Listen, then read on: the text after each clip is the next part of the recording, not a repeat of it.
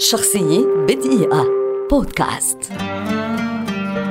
ميلان كونديرا كاتب روائي شاعر وفيلسوف فرنسي من أصول تشيكية ولد عام 1929 ويعد أحد أبرز الأدباء على مستوى العالم في العصر الحديث. تعلم العزف على البيانو من والده ودرس لاحقا علم الموسيقى والسينما والأدب. تخرج في العام 1952 وعمل أستاذا مساعدا ومحاضرا في كلية السينما في أكاديمية براغ للفنون التمثيلية. نشر أثناء فترة دراسته شعرا ومقالات ومسرحيات والتحق بقسم التحرير في عدد من المجلات الأدبية. نشر كونديرا في العام 1953 أول دواوينه الشعرية لكنه لم يحظى بالاهتمام الكافي. ولم يعرف كونديرا ككاتب هام إلا عام 1963 بعد نشر مجموعته القصصية الأولى غراميات مضحكة.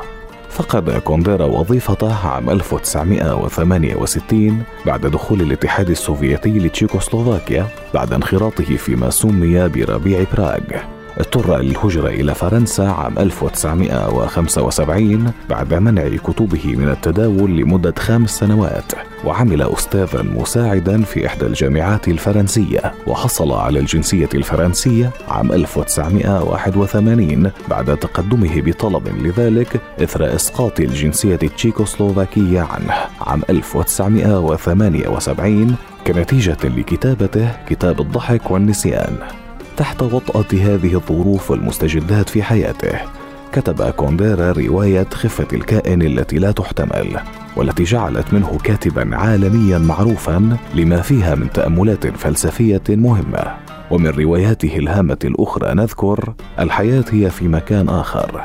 عالم التفاهة الخلود المسحة الجهل وفالس الوداع التي تعد أيضا من أهم إنتاجات الأدب العالمي. عام 1995 قرر كونديرا أن يجعل من الفرنسية لغة لسانه الأدبي. من خلال روايته البطء. وفي عام 1991 حصل كونديرا على جائزة الإندبندنت لأدب الخيال الأجنبي. هذا بالإضافة إلى جوائز أدبية عالمية أخرى نالها خلال مسيرته الحافلة. في الحادي عشر من تموز يوليو 2023 رحل ميلان كونديرا عن عمر ناهز 94 عاما. شخصية بدقيقة. بودكاست.